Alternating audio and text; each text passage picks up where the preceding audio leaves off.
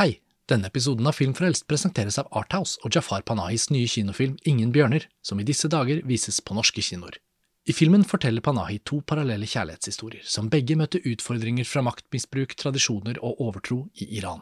Siden 2010 har Jafar Panahi hatt husarrest og arbeidsforbud i hjemlandet, men likevel laget filmer som hylles rundt i verden, som Gullbjørnvinneren Taxi Teheran fra 2015. Panahi ble i fjor igjen arrestert, og først nylig, etter tre dagers sultestreik, slapp han ut av det beryktede Evin-fengselet. Ingen bjørner ble hedret på filmfestivalen i Venezia i fjor, og vises denne våren på norske kinoer.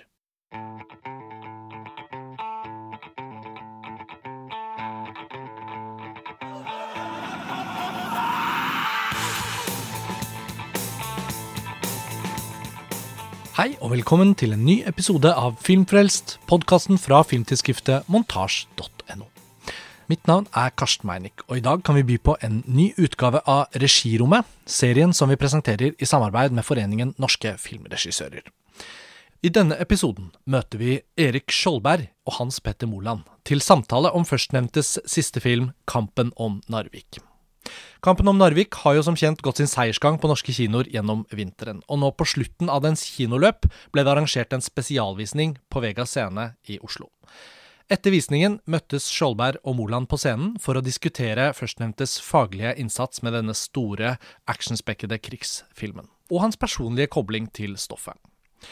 Som dere hører, så var ikke mikrofonene på idet de introduserte seg selv fra scenen, men Skjoldberg og Moland trenger kanskje ikke noe nærmere introduksjon.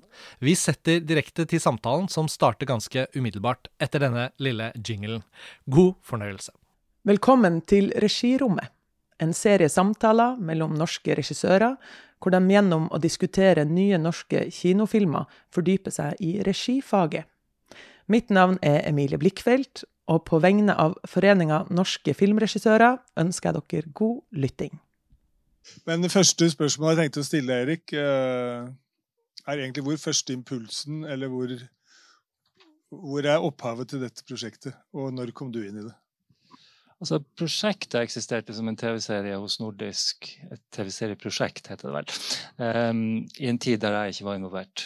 Så fikk de ikke finansiert det altså nordisk, og da gjorde de en Da søkte de på markedsstøtte eh, med et manuskript som var omskrevet ganske raskt eh, av eh, manusforfatteren Kristoffer Grøndal.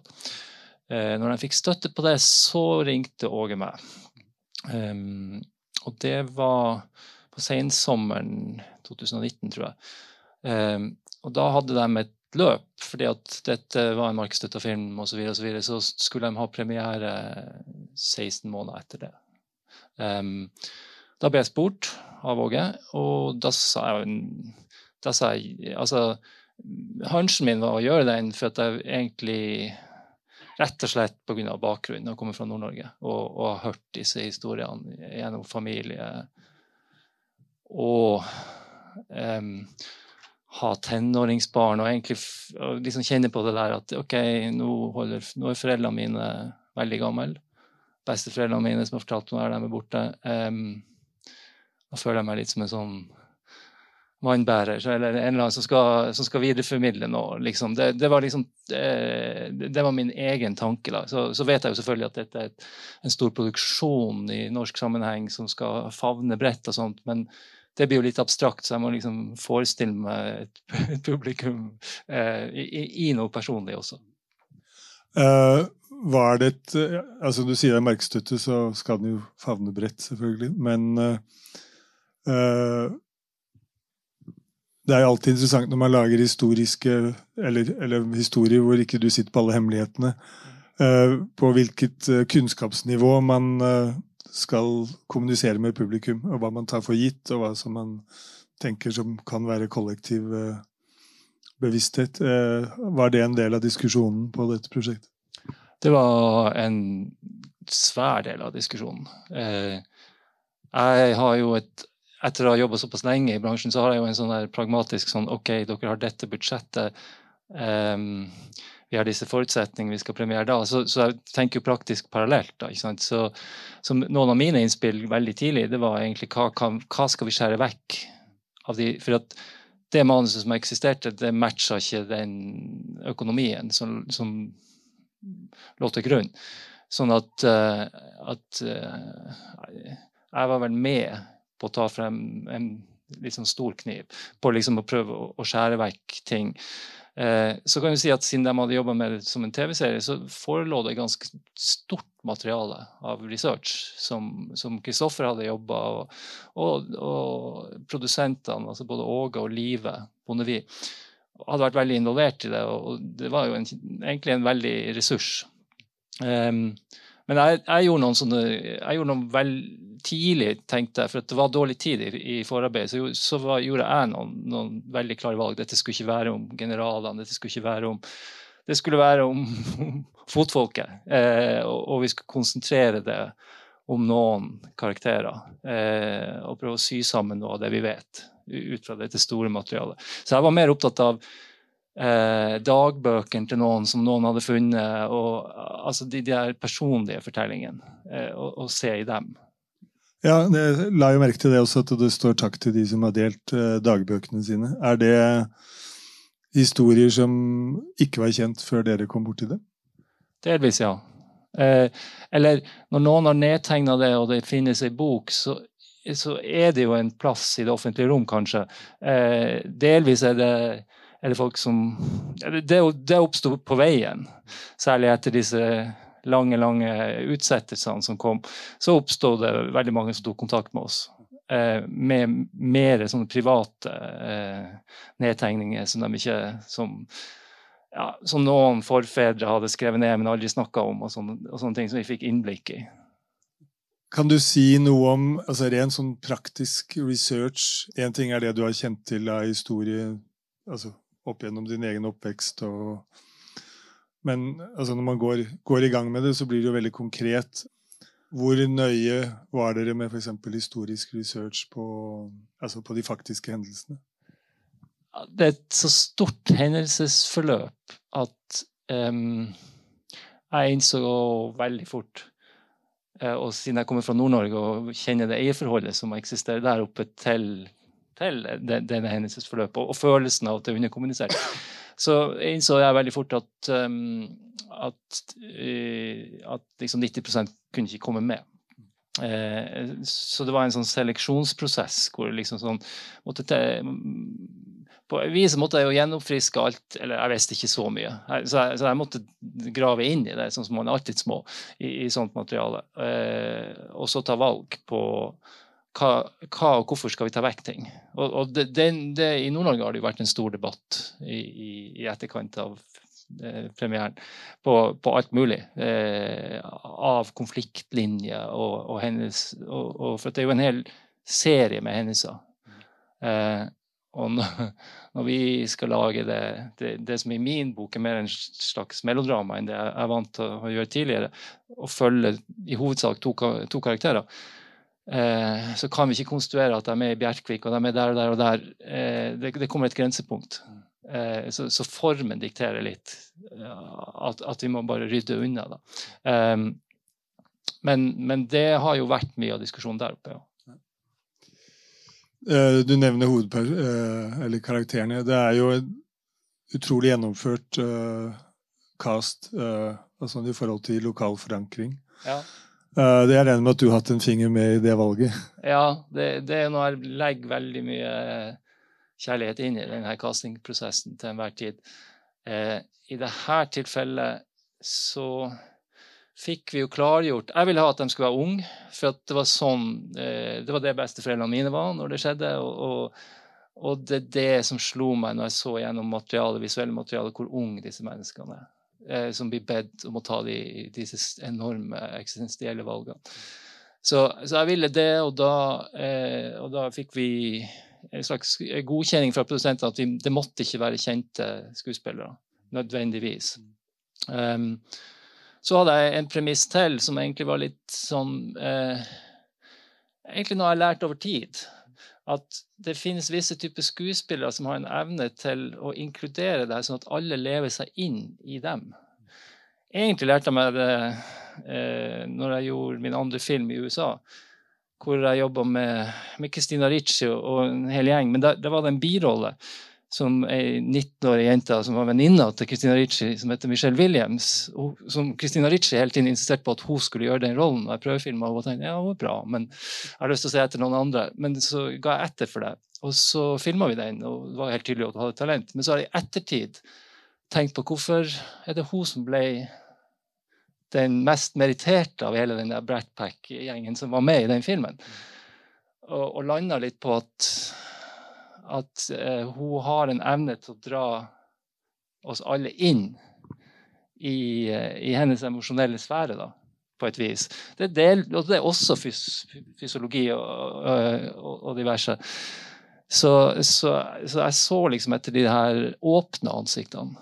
Og åpne Der jeg liksom følte kunne jeg så ikke etter dem som, en, som jeg vet kan bære en hemmelighet. Jeg sier ikke at ikke disse skuespillerne kan det, men, men, hvis du lager en thriller eller hvis du lager noe annet Her vil jeg ha noe som, som alle kan investere noe inn i. Eh, eh så, så, da lander vi på dem ganske fort. Ja, det gir mening. Og, de, det gir også mening det at de som veldig unge er liksom strengt tatt uh, få unge til å ta de vanskelige valgene, som gir noe av spenningen til filmen. Ja, Det var noe som jeg la merke til i materialet, da, for at jeg prøvde å gå tilbake til den tid. For Jeg vil jo egentlig at den filmen skal snakke gjennom tiden. Det, er jo noe av det viktigste for meg. da. Um, og så gikk jeg tilbake der og så tenkte ok, i 1940 så var jeg en veldig ung nasjon. Det som denne Gunnar-karakteren er, er det, det heter nøytralitetstjeneste, for at Norge har aldri vært i konflikt. Så uh, vi er som Sverige. Vi tenker at vi verne om vår nøytralitet. Vi tar ikke parti.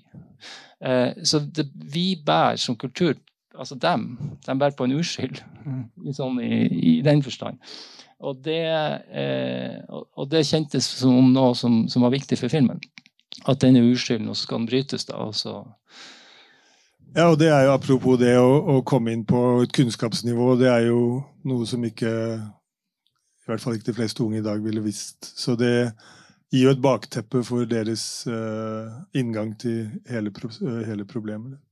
Ja, men så har jeg i ettertid noen på kino så har jeg merket, så jeg fått høre hvert fall veldig mange at unge folk tar med seg andre unge folk og går og ser denne filmen, uavhengig av foreldrene. Og at eh, de, de sånne gode besøkstallene de er ganske mye reflektert i de unge. De, de folkene som er over 40, og sånt, de sitter ennå og venter på at den skal komme på Netflix eller VOD eller et eller annet. Eh, mens eh, at det eh, at det liksom at Jeg tror jo egentlig at unge folk Men det har jo noe å gjøre med den tida vi er i. Er litt sånn opptatt av de her tingene nå. Ja, det er vi vel de aller fleste av oss. um, kan du si litt om hvordan du jobbet med disse unge skuespillerne i forkant, og hvor mye tid du hadde, eller hvor mye du prioriterte å, uh, ja, å forberede dem på det de skulle være med på? Um, Karl Martin har jo spilt i Skam, så han hadde jo mye erfaring med det. Kristine eh, Hartken hadde jo knapt og spilt noen bitte små roller i noen filmer, så hun hadde ikke sånn filmerfaring. Så hun måtte jobbe mer med på det, da. Eh, men det er jo uansett en prosess. hvordan For det lærer du jo litt når du er på filmsett. Um, jeg var veldig opptatt av at de skulle kjennes som om de var et par, for at så mye av filmen foregår i denne uh, magnetismen av oss, det hele fortellerstrukturen. Dette at de er bare sammen helt tidlig, og så skal du investere noe i at de er hver for seg. Og så skal de komme tilbake eh, og ikke forstå hverandre. Eh, fordi altså Grunnleggende sett fordi at hvis du er bak fiendens linje som sivilist, så må du improvisere som en individualist i alt du gjør. Mens hvis du er i en sånn forsvarsrekke, så, så må du tenke kollektivt. Og det påvirker hele din Så vi, så vi, så vi jobba mye med å, å, De kjente hverandre litt fra før. De kjente hverandre godt fra før, faktisk. Um, og det var et pluss. Og det var også en tanke i den kassen. da. Men, um, men jeg kan ikke huske at jeg jobba noe sånn helt spesielt på en annen måte. altså. Det gjorde jeg ikke. Men eh, Jeg vet ikke hvordan du jobber, men pleier du å ha prøver med skuespillerne? igjen? Leser du manus sammen med dem, eller, eller, det, eller velger du at det er noe som du skal Jeg leser veldig mye manus med skuespillere. Ja, okay. Eh, snakker manus, leser manus, tester manus, kjenner på det. Eh, eh, kjenner på deres instinkter etter hvert som de blir kjent med karakteren sin. Så legger jeg veldig vekt på noe som jeg egentlig lær, lærte meg litt fra den, den der tidlige amerikanske erfaringa med at, at du, skal, du skal kjenne karakteren når du kommer på sett. Da skal du kunne den må, da, som skuespiller. Eh, da, eh, hvis du ikke gjør det, så er kan ikke jeg hjelpe så mye. Eh, men, eh, så den delen, snakk om karakteren, er, det, er de viktigste tingene for meg. Jeg tenkte jeg skulle skifte litt grann sånn fokus. eh, eh, altså i, I den filmen her så er det jo et sånn utstrakt bruk av eh, Eller det er veldig sånn visuelt tydelig valg. Eh, og det er uh, masse vidvinkler og bevegelig kamera og masse relativt kompliserte arrangementer som krever både timing av skuespillere, av kamera, og ikke minst så krever det jo veldig mye av at scenografien holder. Uh, og det gjør også at scenografien fordyres i forhold til å Mm. bruke noen trange teler. og Kan du si litt om de valgene, og også vis-à-vis produsent, fordi det er jo et, et kostnadsspørsmål, men uh, uh, hvordan dere angrep det? Vi angrep det egentlig fra manus først, dette med, eh, med valg av at vi vil se 360. Det, det er noe jeg egentlig liker eh, sånn generelt. Så, at, så jeg prøver å tilkjempe meg det eh, i en eller annen form. Så at vi kutta en masse location og, og, og, og konsentrerte dette hotellet. Eh, og det var produsentene helt med på. Eh, at det liksom eh, var en praktisk måte å jobbe på. Så la de seg ikke så mye opp i, i, i valg av linser eller sånt. Det, det kan ikke jeg huske at de gjorde. Det, er, det var Jon Erling som Vi, vi eksperimenterte litt med skal vi, skal vi bruke anamorf linser, og sånt, men så kom han tilbake med et kamera med en, som var helt nytt på, på det tidspunktet, altså det er to og et halvt år siden, som hadde en veldig stor sensor. Altså eh, type et mellomformatkamera hvis du har en sånn stillkamera. Så at, eh, så at det, det, det, det ser mye. Eh, og det utjevner litt. Du får sånn dybde både i bakgrunn og forgrunn og alt. Eh, som jeg følte passa litt til den filmen. Jeg tenkte vi skulle lage det, her med at eh, at det skal liksom være åpen og invitere deg på et eller annet vis, det, det du ser.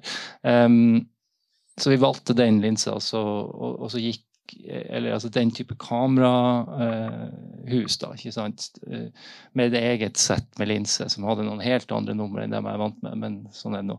Eh, så at, men det var, det, var grunnvalget, da. Eh, Og det kom fra fotografen, men, men kledde det uttrykket som kom ut fra en lang diskusjon. Hva er det vi vil se? Um, så skal det sies altså Jeg hadde jobba med Jon Erling på ene sesong av, eh, av Okkupert før, så vi kjente hverandre litt. Um, men vi rusha jo litt inn i denne innspillinga fra, fra mitt ståsted. Og så fikk vi bråstopp pga. første koronabølgen. Og det var en velsignelse for meg og Jon Erling, for da kunne vi sitte på FaceTime og skrive denne eh, fotoboka på nytt. Og det har liksom alltid slått meg at liksom, hvorfor, bruker, hvorfor, skriver hvorfor skriver vi 14 manusutkast, og så skriver vi én fotoliste sånn, med en fotograf som vi får to eller tre uker på.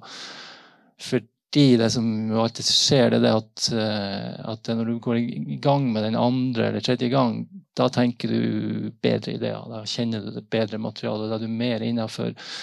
Eh, og det skjedde her. Eh, sånn at, sånn at den presisjonen Takk, takk for det komplimentet. Den føler jeg den kommer mye ut av det. Ja, altså Det er en tanke som har slått meg også, den idiotiske at man skriver drevbok én gang og manus 15 ganger, som du Ja. sier. Men, men jeg, jeg, jeg syns jo det, det er veldig synlig, eller det er veldig på- påtagende, den filmen her, at den har en høy grad av presisjon i sitt visuelle uttrykk, samtidig som arrangementene er såpass eh, komplekse at du får ikke tid til å avlese det før du får en, eh, en overraskelse. Det kjennes jo uh, kjennes jo friskt og organisk ut, og ikke uh, det kunne fort blitt jålete, fordi det er såpass uh, mye man ser. Og hvis timingen er bare litt off, så blir Mm. man utrolig bevisst Mm. kamera. Så jeg syns jo at det er et veldig vellykket valg, da. Men Det gikk på planlegging, og så gikk det på en opplevelse av rytme. En ting jeg er veldig glad i når det gjelder denne filmen, så er det en slags komposisjon og rytme i filmen. Sånn, altså sånn, sånn, for meg er det viktig med en film at den har en slags sånn musikalitet i seg på et eller annet plan. Eh, og dette var jo, det fortelles jo to tråder, liksom, og sånt, og hvordan balanserer vi dem? Og, eh, så, så, så det var viktig, men vi, vi, vi jobba jo ut fra den her Når vi, når vi jobba gjennom den på nytt, så jobber vi ut fra et sånt prinsipp hva vil vi se? Hva trenger vi? Hva har vi lyst til å se nå? Eh, ikke hva må vi se, men hva har vi lyst til å se? Og hvis vi fant ut hva vi har lyst til å se, så er kanskje det vi må se, ikke så viktig hvis du tenker det liksom om. ikke sant? Og så blir det en diskusjon om hva skal til for at vi kan få se det. Eh, eh, og det, og det styrte. Og så, det var det ene. Og det andre Ble spurt hva slags krigsfilm hun tenkte på med det her. Men jeg tenkte litt på Kurosawa eh, og hans krigsfilmer. fordi at jeg syns han og mange i japansk film har en sånn koreografi. At liksom rytme er ikke bare hva kameraet gjør, men det er jo dynamikken med, med, med koreografien. Ja, ja, og det er jo de arrangementene som gjør at uh, det er masse klipp i, innenfor en, uh, et bilde, og du går fra et, et hvitt bilde til plutselig et, et nærbilde som, eh, fordi kameraet beveger seg og fanger noe nytt. Litt. Ja. Men eh, altså sånn, kudos til, til Jon Erling, for han, han, han har en sånn Han vil skrive filmen som en penn, altså sånn i, i linsa, da. Ikke sant? Og han har den holdninga. Eh, det hadde vi felles. Eh, og det er en av de filmene som vi har minst sånn ubrukte scener, eller altså eh, Det kjennes som om vi gjennom disse, at vi fikk så god tid, så fikk vi sjansen til å filme, eller å tenke gjennom hva vi ville filme, for det er alltid tight med budsjett og sånt, og, og, og stick to it. Eh, og derfor kunne vi kutte en masse andre ting som gjorde at vi eh, ja, at vi liksom eh, kom i mål. Og så, og så var vi privilegert med at vi hadde en, Forsvaret var Det var en gjeng fra Forsvaret som var statister. Og de var veldig flinke. For de, de kjenner et sånt system av hvordan du eh, Altså, de forstår organismen av, av en filminnspilling på en måte. Ja, og det er jo en annen ting med såpass eh, store scenerier at eh, det krever jo også noe av statisteriet. At ikke det uh Eh, Jeg pleier å si det at eh, jeg hater når jeg ser folk som bærer på bagasje som ikke tilhører dem sjøl. Liksom. Ja.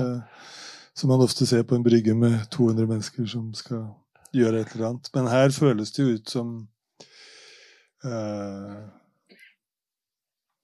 Ja, særlig de som er i militæret, vil jeg si, er eh, De vet hva de holder på med, og de beveger seg også som mennesker som er redd for å dø.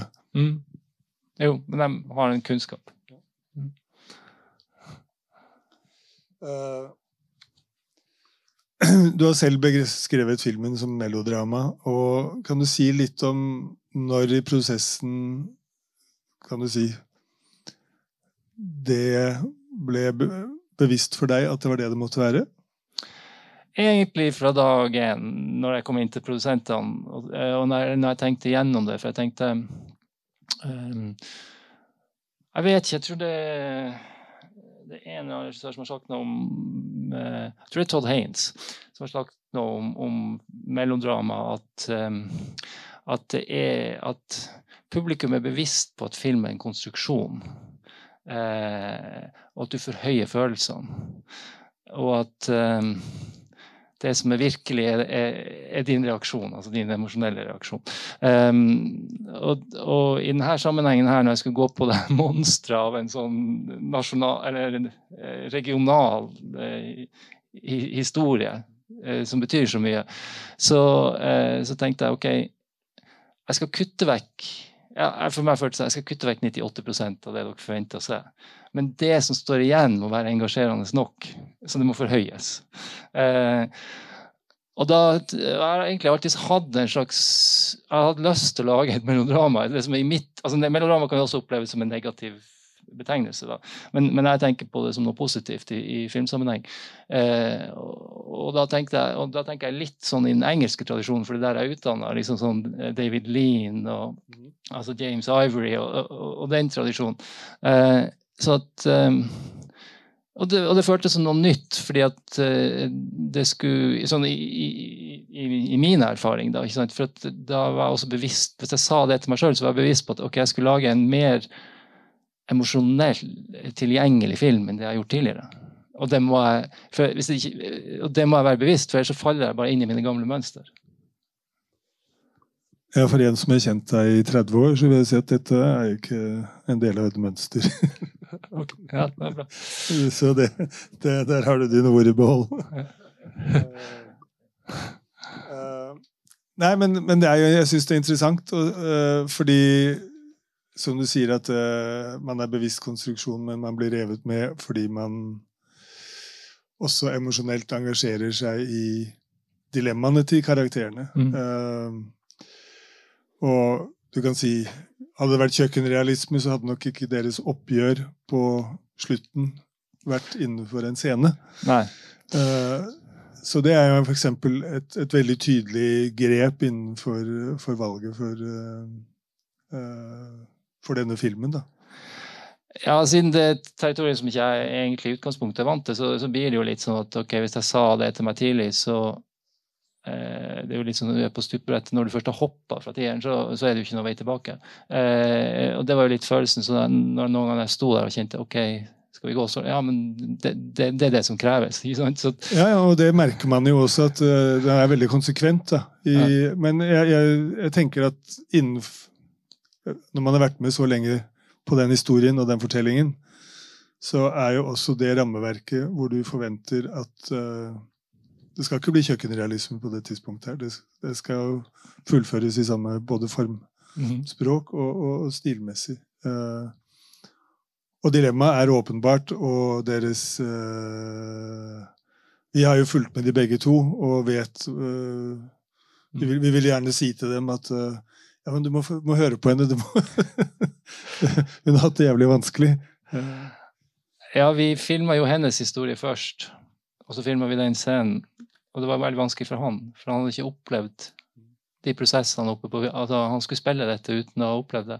Og publikum så jo den scenen og tenkte hva er det slags drittunge? Eh, eller, liksom, eller ikke publikum, men jeg mener crewet. Liksom da, da, og så skulle vi filme hans del av storyen åtte måneder seinere. Eh, fordi at da var lysforholdene riktige, eller eh, snø og lys. altså eh, og Det var jo interessant, men det var også en skjerpende omstendighet. For jeg tenker OK, eh, hvordan skal det kaoset han har vært i altså At det må sette, da, ikke sant, på, på et eller annet plan. Men, men, men, i en sånn her, ja, i den der sjangeren, da, som det jeg kaller melodrama, så, så er du jo helt avhengig av, av hovedrolleinnehaverne dine. Ja. Jeg syns det er interessant også fordi, som du sier som en konstruksjon, men også fordi fordi det er en periodefilm, så syns jeg den er veldig Én ting er liksom uh, attention to detail i uh, scenografi, men også i språk, og også i bevissthet om uh, verden, liksom, hos, hos karakterene. Altså en, ja, en, uskyld, som du nevner, men også soldatenes holdning vis-à-vis -vis, uh, offiser, f.eks. Jeg syns jo Henrik Mestads karakter er en type offiser som du kan forestille deg var uh, mulig da, men som du ikke hadde truffet i dag. liksom. Og, og det gjør jo at uh, det er en gjennomført periodemessig da, grep. Ja. ja. Altså, de bikarakterene er jo basert på historiske Eller F.eks. Henrik Mestad sin karakter er vel basert på tre forskjellige eh, majorer. Eh, fordi at de var på forskjellig plass. Men, men så, så der, de ligger jo tettere på virkeligheten. Den dialekten, hvor var det han, hvem var det som valgte Nei, er jo, det, er jo, det, er jo, Henrik som kommer med det. Jeg har jo jobba mye med Henrik, men han, men han, har jo noen sånne sanggreier i familien. Eh, det som var viktig for meg, det var liksom at det var At det var bygdas folk som forsvarte det der eh, området der oppe. Eh, for det var det på et vis. Jeg, jeg syns jo det faktum at han I begynnelsen så stusser du litt, og så gir jo det karakteren et veldig særpreg som gjør også at du glemmer at det er Henrik Mestad, og at han blir den karakteren på, et, eh, på en veldig fin måte. Så det tror jeg mm. det gagner filmen. I hvert fall sånn som mm. jeg mm. Jo, jeg så på rulleteksten at det står at jeg skriver om. Kan du si litt om kanskje hvordan dere har jobbet? Og, og, og har dere fordelt oppgaver, eller på hvilken måte har det fungert? Nei, det, det, det fungerte Altså, jeg kom jo seint inn i en prosess, men en prosess som åpenbart ikke er ferdig, fordi, eh, fordi det var utfordringer både Altså at det matcha ikke budsjett, og det, var, og det var, ting som skulle gjøres. Men, men, eh, men Altså mitt bidrag i den grad det er bidrag, så, så, så var det vel Altså det var må tenke meg om. Altså, det var eh, det, det, jeg ville, jeg ville at det skulle være en kvinnelig hovedkarakter der. Og det var, sa jeg fra dag én. Eh, og det handla egentlig om noe sånn personlig for meg, fordi at da jeg vokste opp, så hørte jeg på moren min og bestemoren min. Det var liksom damer, da. For at de, menn jobba eller jeg vet ikke hva de gjorde, men du, i hvert fall i den tida når du var barn. Så, det, så jeg fikk høre disse historiene via dem. Og, og, jeg, og jeg, følte at ok, hvordan skal min den visjonen jeg vil være med å, å skape, hvordan, hva slags avtrykk skal den ha? Og da, da, så jeg liksom en sånn kombinasjon av, av bestemoren min og de andre damene jeg ser der, og, og, moren min, og, og, liksom de Og det er noe med den det der um, må, av de valgene du må ta som sivilist. Som, som, som, jeg opplevde som det, det, har jeg lyst til å se. Eh, eh, så det var veldig viktig for meg. Og det, eh, og det hadde vi mye diskusjoner rundt. Så, men, men, det gjorde jo at strukturen liksom Altså, kan vi ha to hovedkarakterer? Eh, den type. Um, og det, det, andre er kanskje det at hvis jeg skulle lagd en ren sånn gutta i krigen-film, så så vil jeg sånn personlig være litt sånn redd for at det, at, eh, at, at det blir monotont. Um, og, og, at at det kanskje var vanskeligere for meg å, å entre eh, fordi at det er et eller annet med at krig At du går fra uskylden og går inn. Den prosessen har jeg sett eh, gjengitt på film, og den forstår jeg, men jeg visste ikke hva jeg skulle legge til som kunne bære en hel film? Uh, et, uh, vi skal åpne for uh, litt Ja, jeg har bare ett spørsmål til før vi, før vi åpner opp. Og det er Kan du bare si litt om hvordan du strukturerer dagen din? En opptaksdag? Jeg jeg, jeg er sånn som Jeg passer innspillingslederen min på at vi skal i gang etter en halvtime. Eh, og at et nederlag hvis du ikke er i gang. Og det har nesten ingenting å si hva vi filmer etter en halvtime.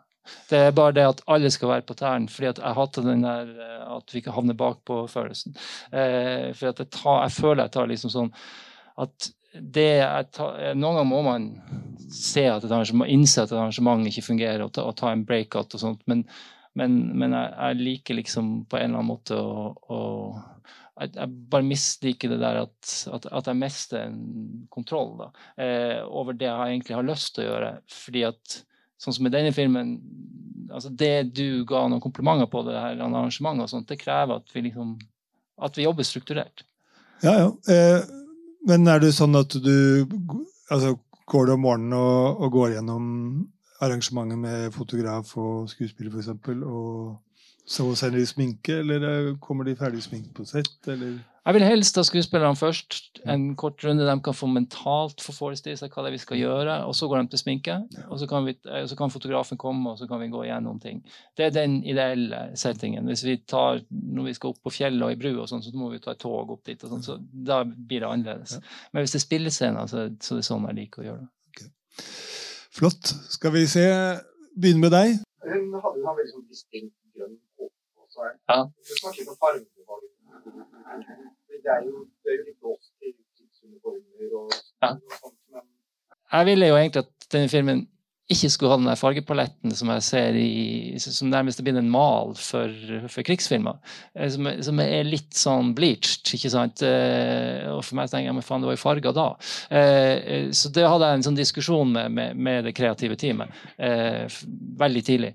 Um, og som jeg føler liksom at, uh, at fotografen gjorde litt i, i lyssetting, hvor vi var mer eksplisitt. Men uh, uh, uniformene, det, det, var en utfordring som, gikk i, som, jeg gikk på dem gang på gang. Men det er det at du får dem bestilt fra en eller annen plass. Men jeg sa ja, de er grønne og de er litt blå, liksom disse tyskerne. Og, Hvordan krigsfilm handler om orientering. At vi forstår hvem er dem, hvem er dem. ikke sant? Eh, de franske soldatene de, de, Egentlig er det fremmedlegionærene som går i disse saueskinnsjakkene, men det ble de franske. Altså, så vi gjorde noen grep der. Eh, den grønne kjolen hadde vi veldig mange diskusjoner på. fordi at jeg liker egentlig at en hovedrolle går i én klesdrakt. Jeg vet ikke. Det, det, er bare for meg. Det, det, det er et eller annet det, er liksom en sånn ah, Det er noe ikonisert for meg. Eh, og så visste jeg jeg skulle gjøre veldig mange store bilder. Eh, så jeg vil se henne med en gang. Um, så jeg ville ha noe som liksom stakk ut, da. Uh, og så var det mer sånn så hadde vi noen kommentarer eller vi hadde liksom frem og tilbake, men det ser ut som en green screen. og, og liksom sånn frem og tilbake, Men vi, vi, valgte å gå for noe som var sterkt. Og det var fotografen som pusha det også litt. Som sa at det kan vi grade og justere til slutt. Der vi er i dag. Fordi at vi fargelegger filmen veldig mye i, i etterarbeid i forhold til hva jeg var vant til når vi begynte å, å lage film. Eh, men, men det var vel de grunntankene. Takk.